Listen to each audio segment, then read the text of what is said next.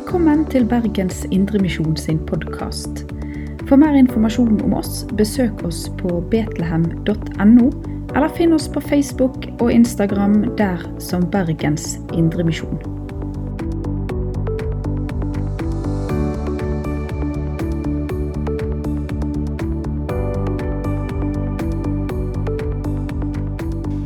Takk for hyggelig anledning til å komme hit til Betlehem. Det blir nå delt ut et ark, og bibeltimen vår i kveld den står på det arket. Der står eh, alle bibeltekstene, så det er veldig tett skrevet. Og jeg måtte prute litt for å få plass til alt jeg ville ha plass til. Så eh, det er ja, Det betyr at vi har en arbeidstime på tre kvarter for oss, da vi skal ha konsentrert oppmerksomhet på bibeltekster. For det er et emne som spenner vidt, som er delt ut. Håpet, og så står det tankestrek, og så står det 'fra skapelse og til fullendelse'. Det betyr sånn cirka fra side 1 og til siste side i Bibelen.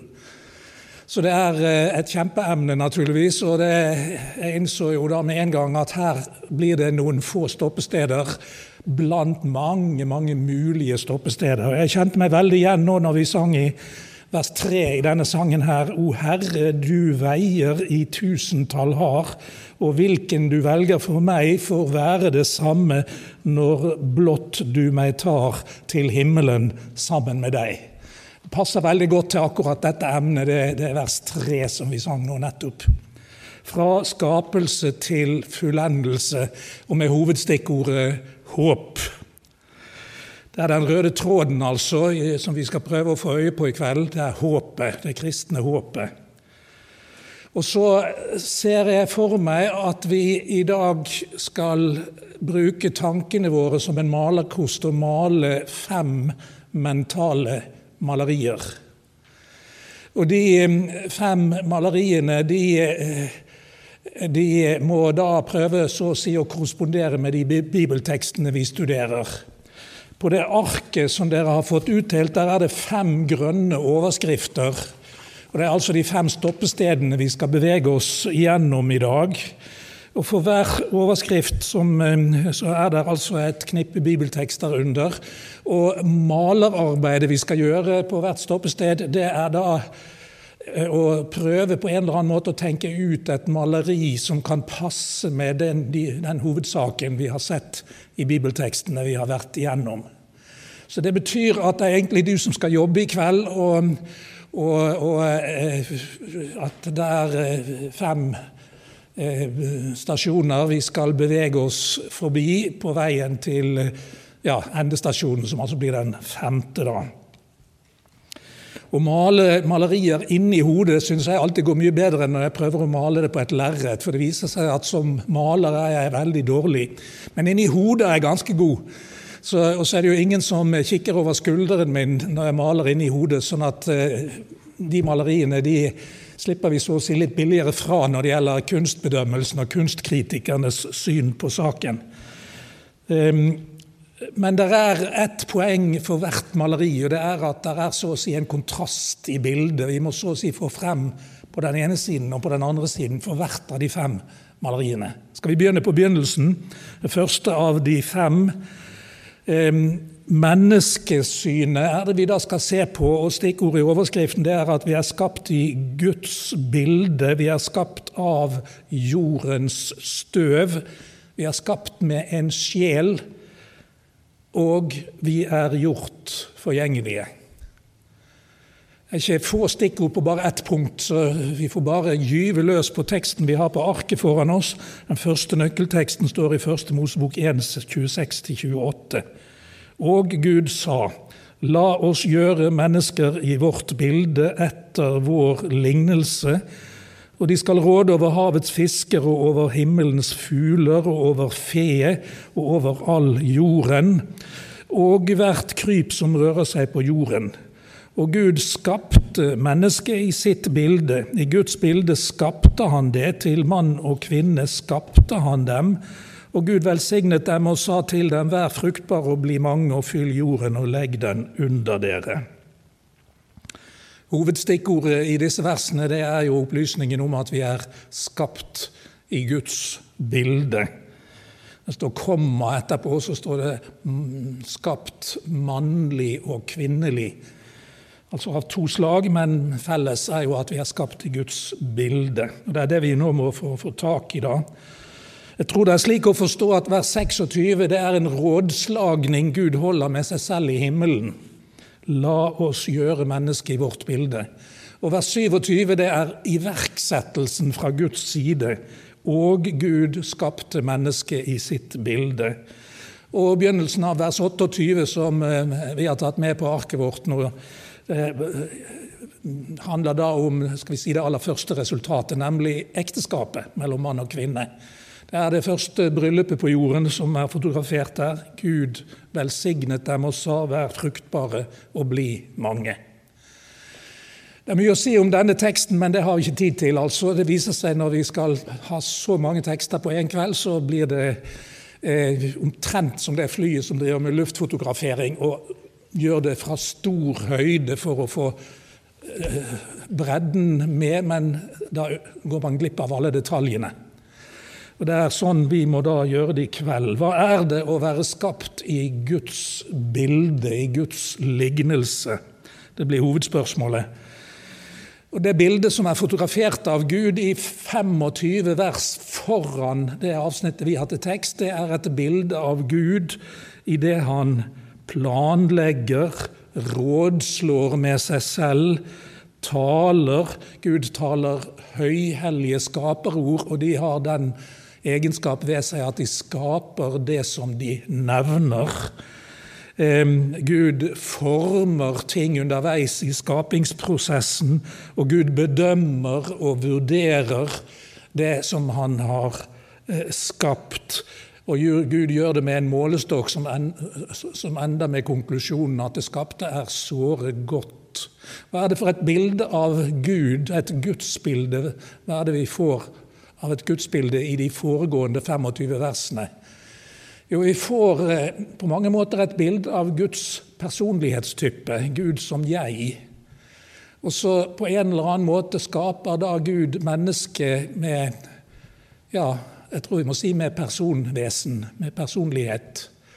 Sånn at når vi er skapt i Guds bilde, så betyr det at vi har denne jeg-bevisstheten, denne tale og tanke og rådslå og samfunns typen bevissthet som eh, avfotograferes i bildet av Gud, men som vi altså har mottatt i skapelsesgave. Skal vi gå raskt videre? Det kommer et skriftord i Første Mosebok 2,7.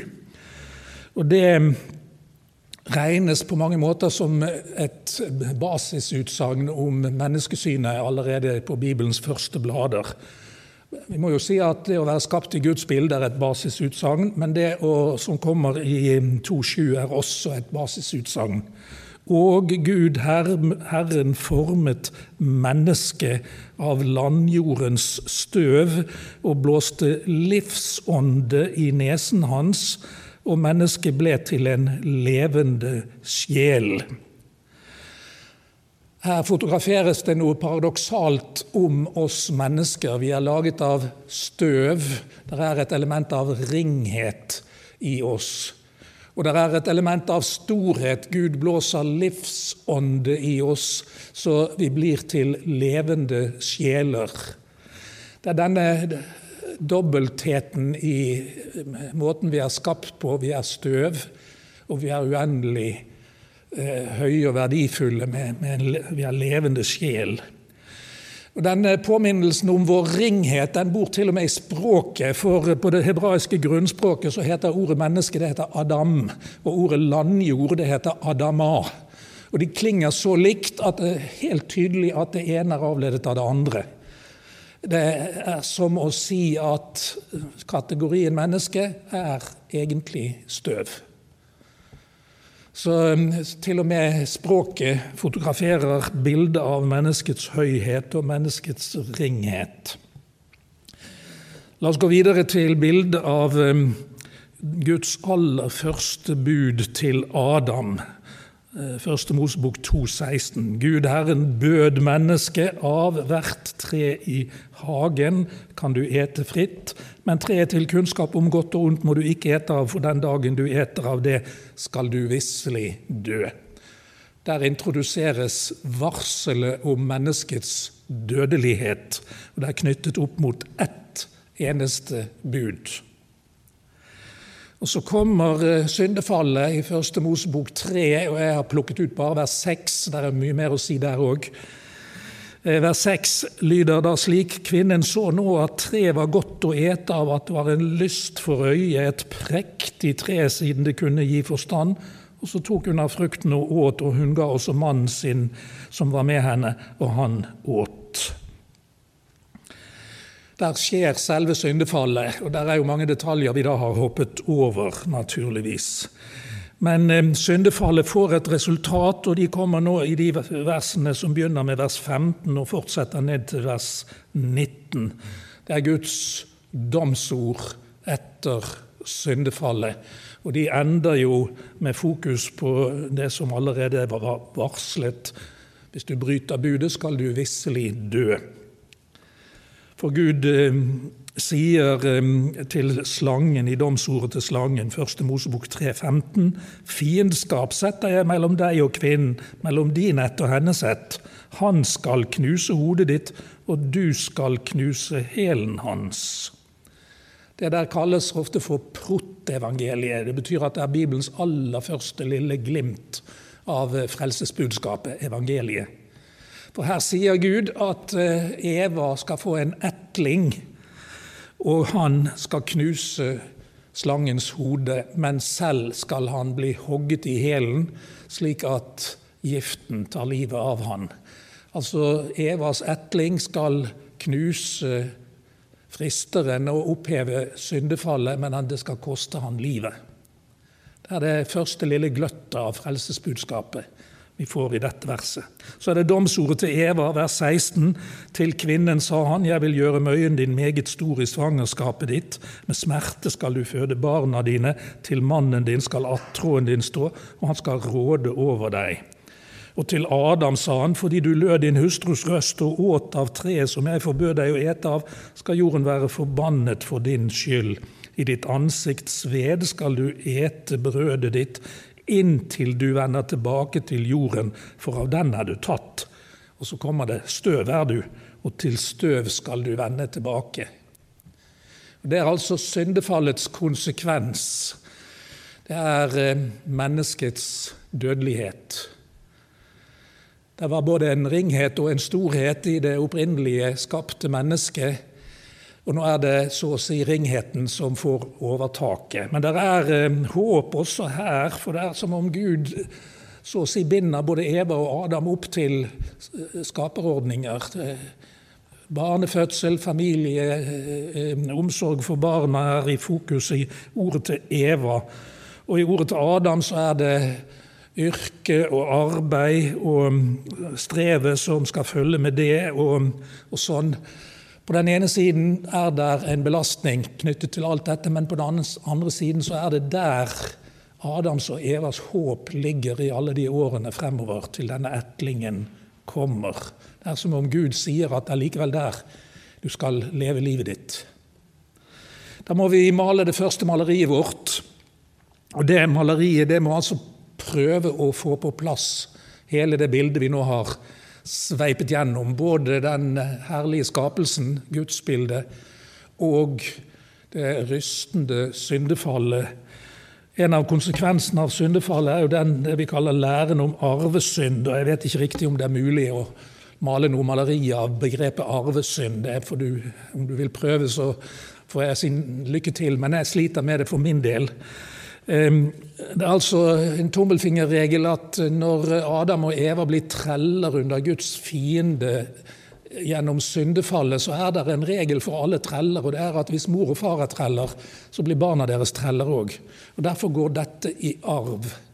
Og det har gått i arv til oss alle. Vi er alle født med synd.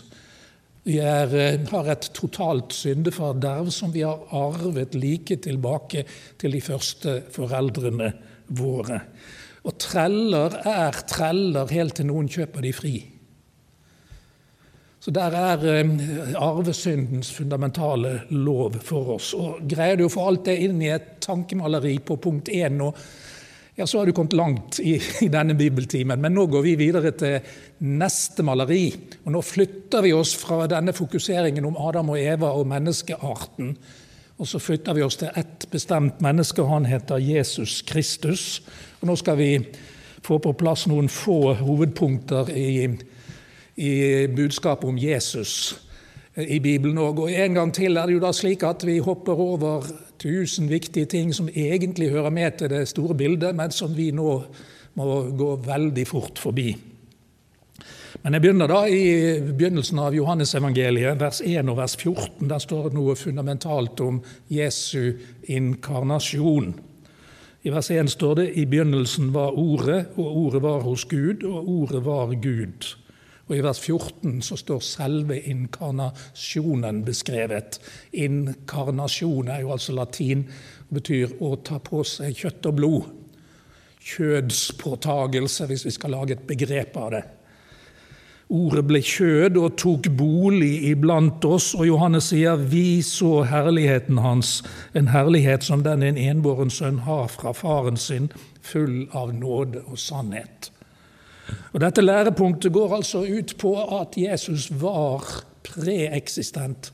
Disse fremmedordene er av og til umulig å slippe unna. Han eksisterte på forhånd i Guds himmel. Han var preeksistent. Og så ble han inkarnert og født på, til jord. Han som var sann Gud, ble også sant menneske, og da var han i jordlivet sitt begge deler, både sann Gud og sant menneske. Og så skal vi ta for oss en berømt hymne i Filippabrevet, Filippane 2,5. Og Den kalles bare for Filippabrevshymnen, men den beskriver to ting, nemlig Jesu fornedrelse og Jesu opphøyelse. Skal vi se på ordlyden?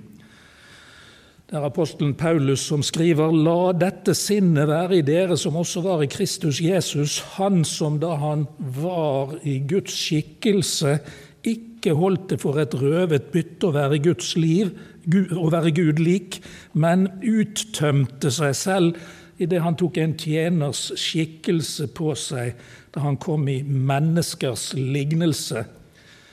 Altså tjenere, stikkord i vers 7. Og da han i sin ferd var funnet som et menneske, fornedret han seg selv og ble lydig til døden, ja, døden på korset. Det der er Jesu fornedrelse. I vers 9 kommer vi til opphøyelsen. Derfor har Gud også høyt opphøyet ham og gitt ham det navnet som er over alle navn, for at i Jesu navn skal hvert kne bøye seg, dere som er i himmelen og på jorden og under jorden, og hver tunge bekjenne at Jesus Kristus er Herre, til Gud Faders ære. Her har vi studert Kristi fornedrelse og opphøyelse. Den ringe tjenerskikkelsen som han har i jordlivet sitt. Ehm, og den veldige høyheten som han har i Guds himmel. Og begge deler er fundamentale i bildet av Jesus. Og så må vi hoppe over veldig mye og gå til Jesu oppstandelseslegeme. Og da har jeg plukket en et par tekster om Jesu oppstandelse. Den første er fra det berømte oppstandelseskapittelet i 1. Korinterbrev 15 hvor apostelen skriver:" For jeg overga dere blant de første tingene det som jeg selv tok imot, at Kristus døde for syndene våre etter Skriftene, og at han ble begravet, og at han ble reist opp på den tredje dagen etter Skriftene. Stikkordet vårt 'reist opp på den tredje dagen'. Jesu oppstandelse. Og står det at han ble sett av Kefas, deretter av de tolv, og så har jeg hoppet over mange vers hvor det står om flere slike vitner. Og så begynner Paulus på en, slags eh, eh anti... Hva for et uttrykk skal vi bruke? En slags eh, hypotetisk tankeeksperiment. Sett at Jesus ikke er stått opp igjen likevel. Det er rent hypotetisk ment, men det er for å male konsekvensene for oss av hva det vil si hvis det ikke er sant at Jesus Og da står det i noen av disse versene i vers 16 og 17 men dersom de døde ikke reises opp, da er heller ikke Kristus reist opp. Men er ikke Kristus reist opp, da har dere en unyttig tro, og da er dere ennå i syndene deres. Og så i vers 19 har vi bare i dette livet satt håpet vårt til Kristus. Da er vi de ynkverdigste av alle mennesker. Og der er denne hypotetiske konjunktiven slutt. Der er, der er tankeeksperimentet ferdig dette negative tankeeksperimentet som sa 'sett at', 'sett at ikke'. For nå kommer det som ligger Paulus på hjertet i vers 20. Men nå er Kristus reist opp fra de døde og er blitt førstegrøden av dem som er sovnet inn. Og så kommer en tanketråd tilbake til vårt første maleri om Adam og Eva. For liksom alle dør i Adam, slik skal også alle bli gjort levende i Kristus. Her er det noe spenstig og spennende med vårt maleri nummer to om Jesus. Der er en eller annen forbindelse tilbake til maleri nummer én. Og Den forbindelsen den er enda tydeligere hvis vi nå fokuserer på en bestemt følgevirkning av Jesu oppstandelse, nemlig at Jesus sto opp igjen, ikke med denne tjenerskikkelsen og dette jordiske legeme, men med et oppstandelseslegeme. Og Da går jeg til den delen av budskapet om Jesu oppstandelse hvor evangelisten Johannes skildrer et lukket møte får vi vel si, blant apostlene, hvor det var én fraværende, nemlig Thomas, tvillingen. Står i Johannes 20, 19, Da det var blitt kveld samme dag, den første dagen i uken, var dørene lukket der disiplene var, av frykt for judeerne. Da kom Jesus og sto midt iblant dem, altså gjennom en stengt dør, og sa til dem, Fred være med dere. Og da han hadde sagt dette, viste han dem hendene sine og siden sin. Det er et poeng at de skal se på Jesu kropp etter oppstandelsen. Da ble disiplene glade da de så Herren, men en av de tolv, Thomas, det er tvilling, var ikke sammen med dem da Jesus kom. Han sa til dem, dersom jeg ikke får se naglemerkene i hendene hans og stikke fingeren min i naglegapet og legge hånden min i siden hans, vil jeg ikke tro. Åtte dager deretter var disiplene hans igjen inne, og Thomas var med dem. Da kom Jesus mens døren var lukket. Der har vi det der igjen. Gjennom en lukket dør.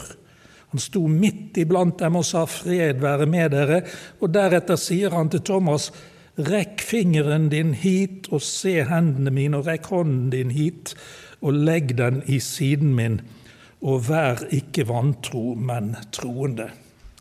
Hva er det med dette oppstandelseslegemet til Jesus Punkt 1. Det kan gå gjennom stengte dører. Det er annerledes enn jordiske kropper som kolliderer med stengte dører. Det er noe himmelsk ved Jesu oppstandelseslegeme. Og Samtidig er det noe makeløst gjenkjennelig. Han har sårene fra korset, og, og, og, han kan tas på og føles på av både Thomas og de andre. Og, og uh, han er absolutt den samme og samtidig annerledes. Det har skjedd et kvalitativt sprang i Jesu legeme fra jordisk eh, kropp til himmelsk oppstandelseslegeme. Og Det der er et av de mange poengene som påskebudskapet egentlig skal lære oss å tenke på. At, at han som er både sann Gud og et sant menneske, han kan gå foran og bane veien for oss. Så jobben vår nå i dette andre Kristusmaleriet det er på en måte å få på plass hele denne fylden av budskap om Jesus, at han er inkarnert Guds, at han er sann Gud, at han er inkarnert og sant menneske, at han har et jordisk legeme, og at han har et oppstandelseslegeme, at han dør på korset, og at han står opp igjen med et nytt legeme som samtidig er gjenkjennelig sammenlignet med det gamle. Det er eh, veldige spenn og sprang og kontraster i hele dette budskapet, men det er litt av en jobb kanskje å male alt sammen inn i et Kristusmaleri. Men det plasserer vi da som vårt maleri nummer to, og så går vi videre. Og nå har vi altså i maleri nummer én fokusert på mennesket, i maleri nummer to fokusert på Jesus. Og nå skal vi i maleri nummer tre på en måte koble sammen oss mennesker og Jesus. Eller vi skal studere hvordan Bibelen gjør det. Da eh, hopper jeg nok en gang over tusen ting som vi kunne tatt opp. Og så går jeg til et dåpsavsnitt i Romerbrevet som er kjennetegnet av en, en type sammensetningsord. Um, um, det der med å, å, å, å, lage sammensetningsord, det er vi flinke til på norsk. Selve det der sammensetningsord Det er jo tre deler. Vi kunne skrevet det med bindestreker mellom. Ehm, eh, for så vidt. Å lage ord som setter sammen flere ord til ett ord, det er vanlig på norsk, og det er vanlig på grunnspråket. Og i dette dåpsavsnittet så er det Paulus som lager noen sammensetningsord, og de fleste bibeloversetterne hopper galant unna fordi de blir så litt klønete på norsk disse sammensetningsordene som står i grunnteksten. Men jeg har gjort da et tilbakeskritt når jeg har klippet og limt inn bibelteksten på arket. De tre sammensetningsordene som eh, skal ha egenvekt mens vi leser, de er merket med blått. Og så har jeg skrevet de så å si tilbake igjen til det inntrykket som vi får i grunnteksten. Og så leser vi avsnittet, Romane 6, 3-11. Apostelen Paulus skriver, vet dere ikke at alle vi som ble døpt til Kristus Jesus, ble døpt til døden hans? Et riktig stikkord allerede her, men så kommer det. Vi ble altså sambegravet med ham ved dåpen til døden. For at liksom Kristus ble reist opp fra de døde ved Faderens herlighet, så skal også vi vandre i et nytt liv. Og vers 5.: For er vi blitt samforenet med ham ved en død som er lik hans død, så skal vi også bli det ved en oppstandelse som er, som er lik hans oppstandelse. Vi vet at det gamle mennesket vårt ble samkorsfestet med ham for at syndelegemet skulle bli tilintetgjort, så vi ikke lenger skal være slaver under synden. For den som er død, er rettferdiggjort fra synden. Men døde vi med Kristus, da tror vi at vi også skal samleve med ham. Slik skal dere regne dere for døde for synden, men levende for Gud i Kristus Jesus. Hva er det for et maleri som males akkurat her? Det blir jo del av vårt store maleri nummer tre, dette her, da. Men jo, det males en sammenbinding mellom det som skjer med Jesus idet han dør og står opp igjen, med det som skjer med oss i dåpen. Hva er det egentlig som skjer når vi blir døpt? Mor og far bar meg til dåpen den 3. august 1947. Det begynner å bli bra lenge siden. Eh, det var kong Haakons bursdag til og med den dagen, og det skjedde oppe på Sunnmøre, i et bedehus.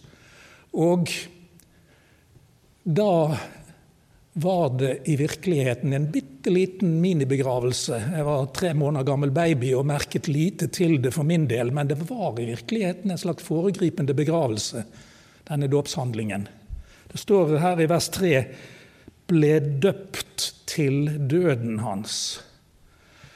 Dåp kan skje ved neddykking, men i kalde norske vinterkirker har vi, vi vent oss til å ta håndfuller med vann. og Jeg tror ikke det med neddykking er fundamentalt. Men hvis du et øyeblikk tenker deg dåp ved neddykking, så får du et inntrykk av hvordan dåpen er som et lite fotografi av en begravelse. Jeg skal ned i det hullet i jorden hvor kisten min skal ligge. Bare at i dåpssakramentet så er jeg begravet bare et bitte lite øyeblikk, og så opp igjen for jeg står opp igjen med en gang igjen. Så for den lille babyen som bæres til dåpen, så er begravelsen liten og kort, og den etterfølges av en øyeblikkelig oppstandelse. Og Det er bare mulig fordi vi er knyttet sammen med Jesus i dåpen, fra dåpen av. Og Det er jo sterke ting å si om dåp og tro, og det må da komme i en annen bibeltime enn i kveld. Eh, men eh, det er nyttig å tenke på det òg. Eh, men vi får her et gløtt inn i den det budskapet som handler om hvordan det å være en som tror på Jesus og hører Han til i kraft av nådemidlene, troen og ordet og dåpen og nattverden, det gir oss et helt spesielt fellesskap med Jesus, der hans død og oppstandelse blir min død og oppstandelse. Ok, Jeg er blitt 74 år og vet ingenting om hvor mange flere år Herren har tenkt å gi akkurat meg, og det er jo felles for oss alle at ingen av oss kjenner dagen i morgen. Men en dag er eh, min tilmålte tid slutt, og så skal jeg virkelig dø. Virkelig, sa jeg. Virkelig. Hvor virkelig da? Jo, i jordisk, vanlig fysisk forstand skal jeg dø en dag. Men eh, i eh, det perspektivet som vi nå anlegger, hvor vi er i tett selskap med Jesus tvers gjennom alt sammen, så er virkeligheten vår død en død hvor Jesus er der hele tiden og løfter oss inn i oppstandelsen i samme øyeblikk. Og Nå skal vi eh, følge med på den siden ved oppstandelsesbudskapet som har med vårt oppstandelseslegeme å gjøre. Og Nå beveger vi oss da fra kjøtt og blod slik vi kjenner det i det nåværende livet, og til det som hører det himmelske oppstandelseslegemet til for alle de som tror på Jesus. Og Da kommer vi altså til to tekster om troendes oppstandelseslegeme. Den ene står i 2. Korintiabrev 5.1, og der er det bilder som er i bruk. Vi vet jo at om det teltet vi lever i på jorden Ser du hvordan ordet 'telt' der brukes som metafor eller bilde på kroppen vår? Vi vet jo at om det teltet vi lever i på jorden, blir brutt ned, så har vi en bygning Legg merke til forsterkelsen. Telt er relativt skrøpelige greier, men bygning det er mye mer robust. Så har vi en bygning som er av Gud. Det er altså bildet på oppstandelseslegemet vi skal få etter døden. Et hus som ikke er gjort med hender, evig i himmelen. Og mens vi er her, sukker vi fordi vi lengter etter å bli overkledd med boligen vår fra himmelen. Ja, Det er fra 2. Korinterbrev 5, men det er en delvis parallell tekst i slutten av oppstandelseskapittelet i 1. Korintiabrev 14. Jeg har plukket noen vers derfra, men du ser på versenummereringen at jeg har klippet og limt ganske friskt. Her Apostelen skriver men en kunne si hvordan blir de døde reist opp, hva slags legeme trer de frem med? Og så hopper vi til vers 42. Slik er det med de dødes legeme. Det blir sådd i forgjengelighet. Det reises opp i uforgjengelighet. Det blir sådd i vanære. Det reises opp i herlighet. Det blir sådd i svakhet. Det reises opp i kraft. Det blir sådd et naturlig legeme. Det reises opp et åndelig legeme. Og så kommer konklusjonen. Det første mennesket Hei sann, der har vi Adam en gang til, og nå er vi kommet langt bak. Det første mennesket var av jorden, jordisk. Det andre mennesket er av himmelen. Det som sies om troende menneskers oppstandelseslegeme etter døden, det handler altså om at akkurat som Jesus får et oppstandelseslegeme som er eh, gjenkjennelig og likevel annerledes, så skal også alle troende få et oppstandelseslegeme som er gjenkjennelig og likevel annerledes. Vi skal dele skjebne med Jesus der også. Der er en utsikt for oss. Ehm, og Vi har jo altså et hovedstikkord i kveld som heter håp. Dette er i høy grad med i det store håpet som en kristen har at i kraft av Jesu død og oppstandelse så har jeg et håp som har konsekvenser for frelse og salighet, og som til og med har konsekvenser for denne likheten med Jesus, som gjelder selve oppstandelseslegemet vi er lovet. Når du nå skal til å male maleri nummer tre, så må du altså så å si få på plass denne likheten mellom oss og Jesus, der Jesus bærer den tunge byrden og dør på korset, mens jeg som lite dåpsbarn tar imot den bitte lille eh, smaksprøven som dåpssakramentet gir meg, og troen gir meg, og som eh, simpelthen ender opp med at jeg reises opp fra de døde og tildeles et oppstandelseslegeme med akkurat samme type herlighet og prakt og uforgjengelighet. Og hva var alle stikkordene vi så? Uforgjengelighet, herlighet, kraft, åndelighet og himmelsk karakter. Det er mye å trekke inn i dette maleri nummer tre, som da handler om følgevirkninger av Kristi død og oppstandelse for alle de som ved tro og dåp hører Jesus til. Ok, Vi har to slike maleriskippertak igjen i denne bibeltimen.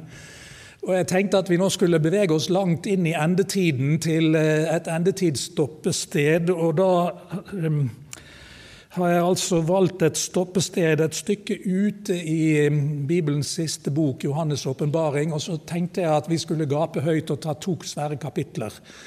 Og Så drev jeg og klippet og limte, og så så jeg hvordan det gikk på arket, og så begynte jeg å prute vekk biter av de to kapitlene, og da ble det bare bruddstykker igjen på arket, som du ser. Bibelens siste bok, Johannes' åpenbaring, den handler altså om endetidsspørsmålene. Det er syv, først syv brever til utvalgte menigheter i Lille Asia. Eh, men i det kapittel fire begynner, så stiger Johannes i visjonen sin inn i selve Guds himmel. Han eh, inviteres inn der, og han vises Gud på tronen, og han får se lammet og Det er en spesiell hendelse i det denne endetidsdelen av Bibelens siste bok begynner i kapittel 4 og 5. Og Det er at på tronen holder Gud en bokrull med syv seil. Og Den bokrullen kalles i kommentarlitteraturen tradisjonelt for Fremtidsboken. For der har Gud skrevet opp alt det han har bestemt om fremtiden. Men Gud har forseglet det med seil. Og så lyses det ut et spørsmål i himmelen hvem er verdig til å bryte disse seilene. Og Det ligger så å si i, i, mellom linjene der et signal om at det å bryte et seil på Guds egen fremtidsbok det er det samme som å iverksette. Å iverksette hendelse nummer én, nummer to, nummer tre og utover til og med nummer syv. Hvem er verdig til å iverksette det Gud har bestemt om fremtiden? Og så blir det taust i himmelen. Og Johannes gråter, for det er visst ingen som er verdig til å iverksette det. Og hvordan kommer det til å gå med menneskene på jorden da, hvis ingen iverksetter Guds fremtid? Men så begynner de å synge en lovsang, og så synger de 'Lammet er verdig'.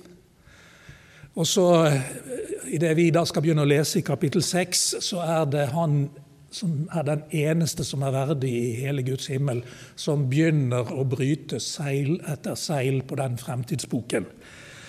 Og Jeg plukket eh, seilvisjon nummer én, åpenbaringen 6, vers 1 til 2. Der står det slik.: Og jeg så at lammet åpnet det første av de sju seilene, og jeg hørte et av de fire livsvesenene si som med tordenrøyst kom. Og jeg så å se en hvit hest, og han som satt på den, hadde en bue, og det ble gitt ham en krone, og han dro ut med seier for å seire. Det første av de sju seilene leste vi her. Og den hvite hesten det er noe veldig oppmuntrende ved en hvit hest.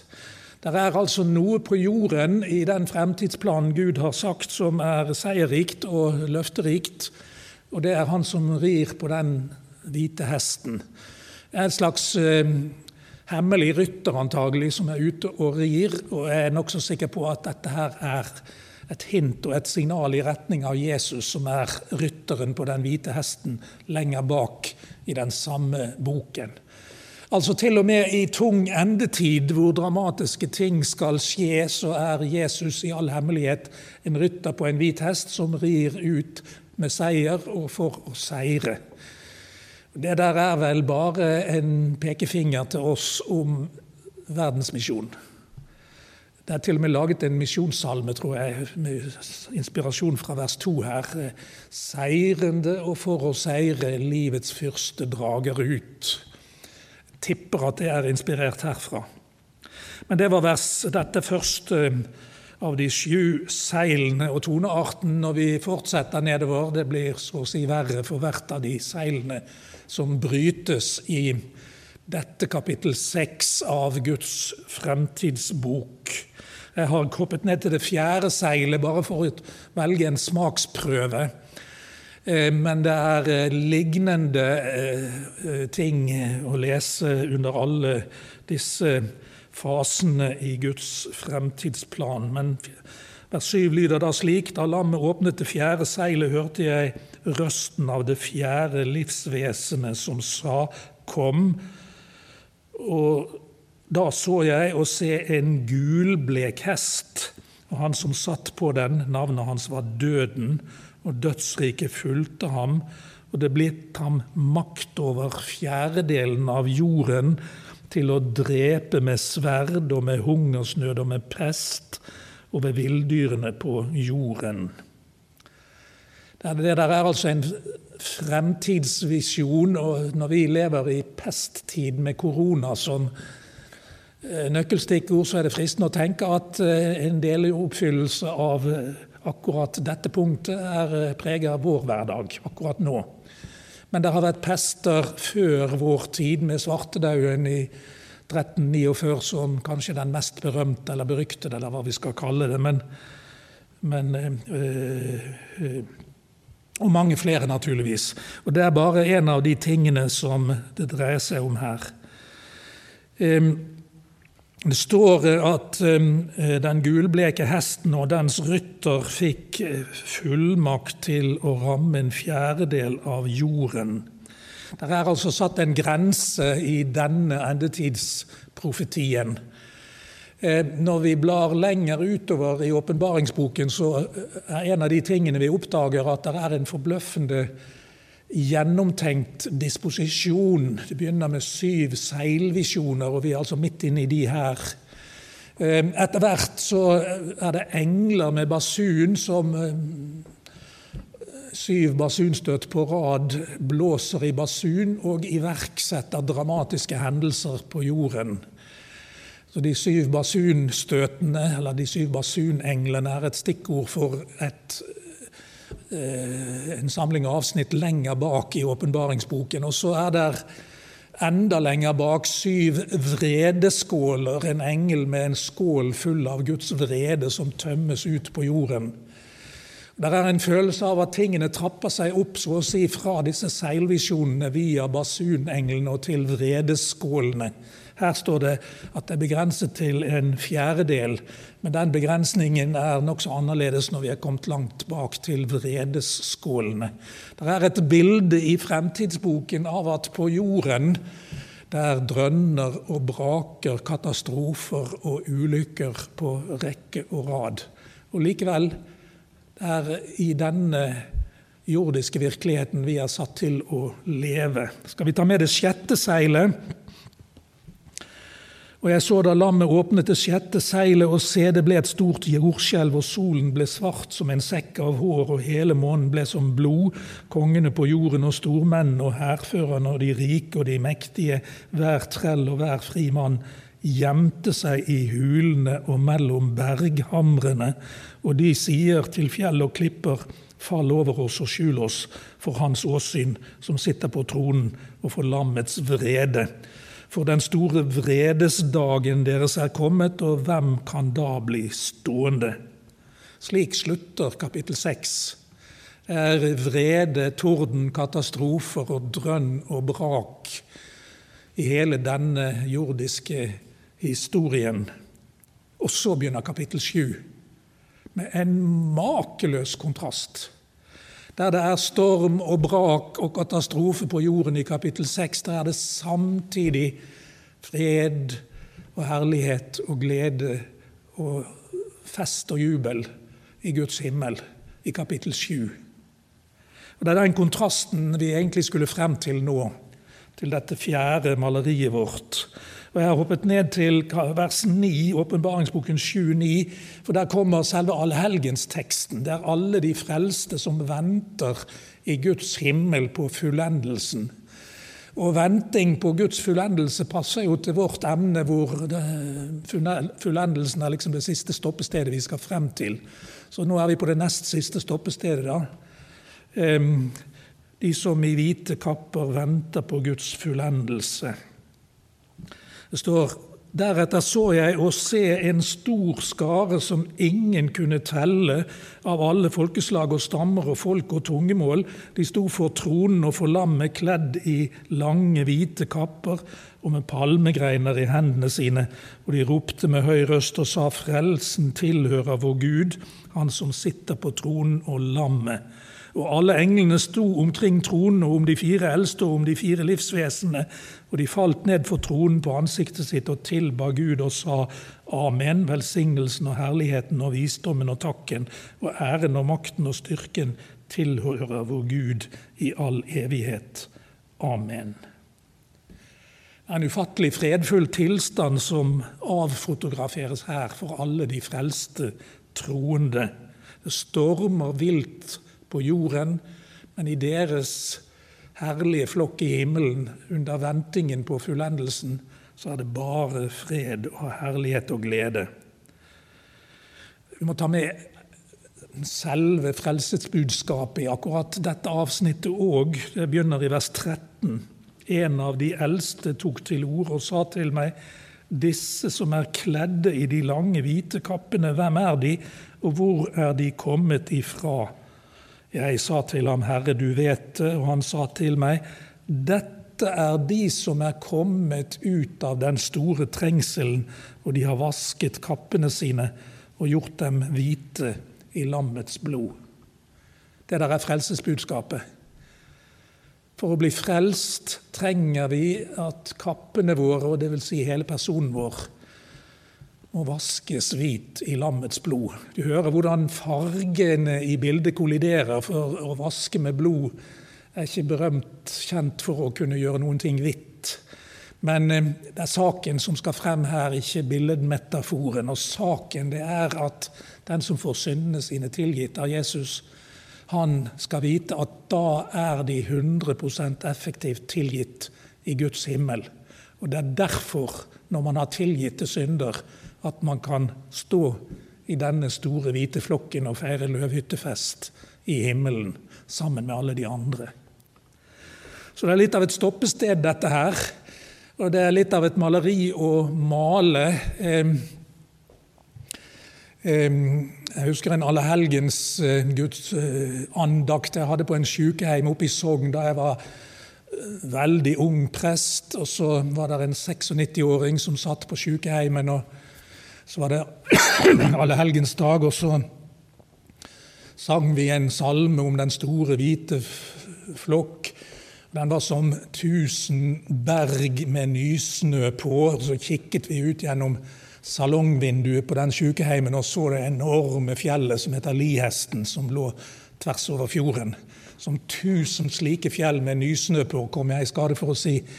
Og så hørte jeg han 96-åringen sa 'Åh!' Da tenkte han på den store hvite flokken og, og disse tusen bergene med nysnø på, som salmen skildrer. Det er eh, litt av et maleri vi kan male alt i alt av fjerde, dette fjerde stoppestedet. Og så um, begynner tida vår å løpe ut. Nå tror jeg tre kvarter er gått. Men vi er kommet til eh, sluttpunktet vårt, og det er jo lammets bryllup. Og jeg er nokså sikker på at i den bibeltimeserien dere har foran dere her, så kommer dere tilbake til omtrent alt det vi har snakket om i denne timen her. sånn at det vi gjør nå, det er på en måte bare å levere ut noen smaksprøver på den større sammenhengen som kommer i de følgende timene. Hva står det da i tekstene vi har helt til slutt? Er fra teksten om lammets bryllup, åpenbaringsboken 1906. Og jeg hørte liksom en lyd av en stor skare, og som en lyd av mange vann, og som en lyd av sterke tordendrønn, som sa Halleluja, for Gud Herren den allmektige regjerer som konge. La oss glede oss og fryde oss og gi ham æren, for lammets bryllup er kommet, og bruden hans har gjort seg rede. Det er gitt henne å kle seg i rent og skinnende fint lin, for det fine linet er de helliges rettferdige gjerninger. Og jeg hoppet like godt også til kapittel 21, hvor det også er en sånn oppsummering fra eh, endetiden. Og jeg så en ny himmel og en ny jord, for den første himmelen og den første jorden var veket bort, og havet er ikke mer. Nok en gang har jeg da hoppet over mange spennende ting innimellom tekstene her, men det må dere ta en annen gang. Eh, det er eh, likevel lammets bryllup som er den avgjørende endestasjonen som eh, vi skal frem til. Og så er det altså slik at Hovedstikkordet vårt var ikke hele denne bevegelse fra skapelse til fullendelse. Men hovedstikkordet vårt det var at denne lange historien, fra skapelse til funnelse, den gir alle som tror på Jesus, et håp. Og Det håpet det er tett knyttet til disse og mange andre stoppesteder underveis på denne lange linjen. Og så sier jeg takk for oppmerksomheten. Du har lytta til Bergens Indremisjon sin podkast. For mer informasjon om oss, besøk oss på betlehem.no, eller finn oss på Facebook og Instagram der som Bergens Indremisjon.